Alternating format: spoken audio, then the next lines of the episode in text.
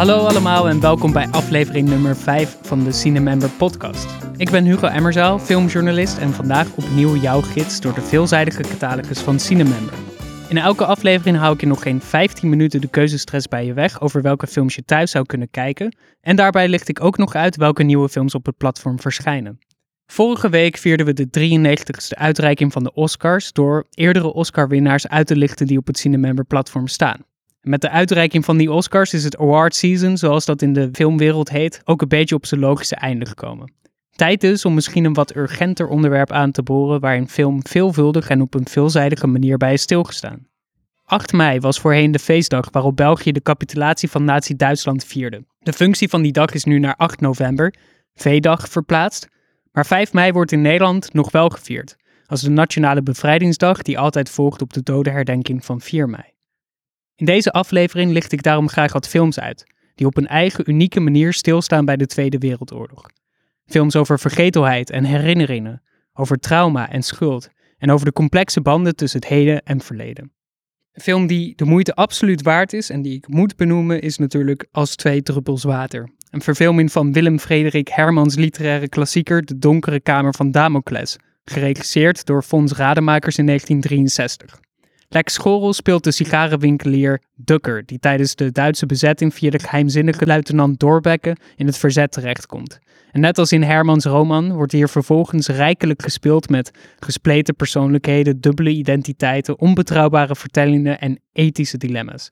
Het is een fascinerende film waar ik echt nog heel veel langer over kan praten, wat ik in een toekomstige aflevering over Nederlandse klassiekers op Cinemember zeker ga doen. Nu wil ik liever bij twee meer recente films stilstaan, die op een eigen bijzondere manier reflecteren op de Tweede Wereldoorlog en binnen die periode relatief onderbelichte onderwerpen aansnijden. Een van mijn favoriete recente films is van de getalenteerde jonge regisseur Kantemir Balagov, die na zijn meestelijke debuut Tesnata, die zich in de Noord-Caucasus-regio in de jaren 90 afspeelt, nog veel dieper terug in het verleden duikt door zijn blik te werpen op Leningrad, de voormalige naam van Sint-Petersburg, van net na de Tweede Wereldoorlog. Hij liet zich voor de film Beanpole, Deelde in het Russisch, inspireren door het baanbrekende De oorlog heeft geen vrouwengezicht van de Wit-Russische Nobelprijswinnaar Svetlana Alexievich, die deze studie naar de rol van vrouwen in de grote patriotische oorlog, zoals de Tweede Wereldoorlog in Rusland wordt genoemd, in 1983 publiceerde. Wat Alexievich uit de vergetelheid van de geschiedenis wist te halen met haar publicatie was de monumentale rol die vrouwen aan het front van de Sovjet-Unie hebben gespeeld. Niet alleen in het clichébeeld van de zuster of de kok, maar juist als soldaat aan de frontlinie. Wat haar werk ook bloot ligt, is het diep genestelde trauma dat deze oorlog teweeg heeft gebracht in de Sovjetbevolking. Balagov, een jonge regisseur die het vak heeft geleerd van zijn mentor Alexander Sukhorov, is vooral in dat trauma geïnteresseerd. Hij volgt twee jonge vrouwen die kort na elkaar terugkeren van het front en moeten acclimatiseren aan het, en dit zeg ik tussen aanhalingstekens, normale leven in de grote stad. Ze werken als zusters op een ziekenboeg voor veteranen, leven in krappe gemeenschappelijke appartementen en hebben ook nog de zorg van een jong kind. Wat Beample op een bijzonder beklemmende, maar ook totaal verpletterende manier laat zien, is hoe overweldigend het moet zijn geweest om weer terug te keren naar de maatschappij zonder de tijd en de ruimte te hebben gehad om te verwerken wat er in die oorlog is gebeurd. Wat Balakov heel bewust doet, is al die gebeurtenissen in de oorlog dan ook niet benoemen en vooral niet laten zien. We kunnen ons allemaal wel iets voorstellen bij wat zich heeft kunnen afspelen, al is het maar omdat we er zoveel films over hebben gezien. Maar wat interessanter is voor deze film, is om met een haast microscopisch detail te onderzoeken hoe dat trauma zich uit in de levens van deze vrouwen.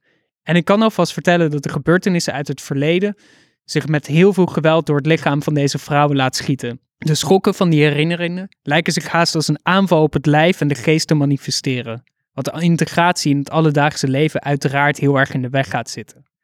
Ik heb zowel Kantemir Balagov als de debuterende hoofdrolspelers Victoria Morishnitchenko en Vasilisa Perelegina gesproken op het filmfestival van Cannes en later ook nog eens op het Golden Apricots Filmfestival in Yerevan. Wat ze daar vertelde is dat ze de levens van deze vrouwen zo waarachtig mogelijk probeerden te vertolken. Wat ook verklaart dat de film zich vaak in stilte afspeelt. Bijvoorbeeld zonder muziek die de film omlijst en kleur geeft. Het gaat juist om je aandacht richten op heel concreet hoe zij zich tot hun beklemmende omgeving verhouden. En als je de film bekijkt, realiseer je ook wat voor een heftige rol dit is om mee te debuteren. Want het hele gewicht van deze periode uit de Russische geschiedenis komt totaal te liggen op deze twee nog jonge hoofdrolspelers. Zeer terecht dan ook dat zowel Kantemir als Victoria en Vasilisa veel prijzen op internationale filmfestivals hebben gewonnen.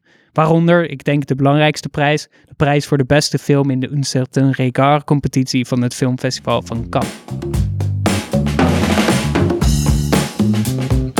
De andere film die ik vandaag wil uitlichten is wat minder populair dan Beanpole, maar is wat mij betreft een ondergewaardeerde parel van een van de meer interessante regisseurs die op dit moment nog werkzaam is. De Armeens-Canadese regisseur Atom Egoyan is in Nederland op dit moment al helemaal niet meer zo bekend, maar zijn films zijn wereldwijd geroemd voor de unieke manier waarop ze stilstaan bij trauma en de onbetrouwbaarheid van het menselijke geheugen. Egoyan heeft met films als Ararat en Calendar bijvoorbeeld zijn eigen relatie met Armenië proberen te onderzoeken. Het land van zijn roots dat bijvoorbeeld afgelopen week pas de erkenning van de Verenigde Staten heeft gekregen voor de genocide die daar in 1915 onder de eigen bevolking heeft afgespeeld. Dat zo'n menselijke catastrofe heeft kunnen gebeuren en vervolgens door de geschiedenis is weggeveegd, voedt de films van Egoyan, die bijna altijd als een soort puzzelnarratief in elkaar zitten. Er is bijvoorbeeld iets gebeurd, een ramp of een moord of een dood of een andere vorm van verlies.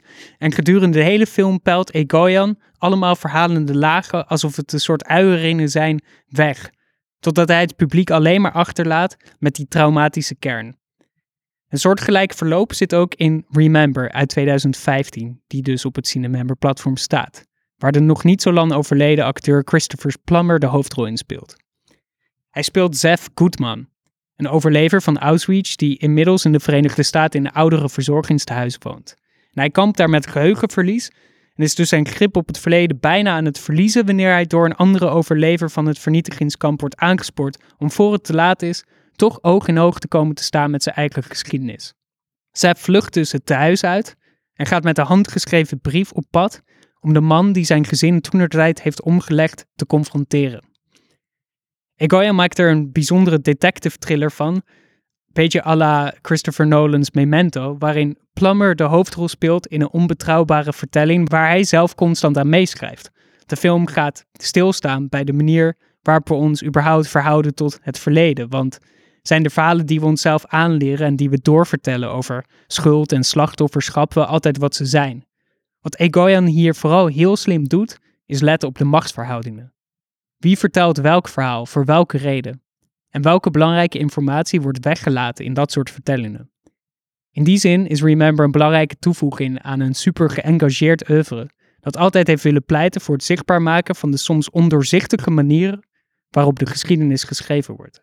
Op die manier is Remember ook een prachtige film om stil te staan bij ons eigen geheugen en de verhalen die we ook echt nodig hebben om te blijven herinneren wat zich in het verleden heeft afgespeeld. Net als Beanpole staat de film vanaf vandaag voor je op de homepagina van Cinemember onder de categorie films die in de podcast besproken worden.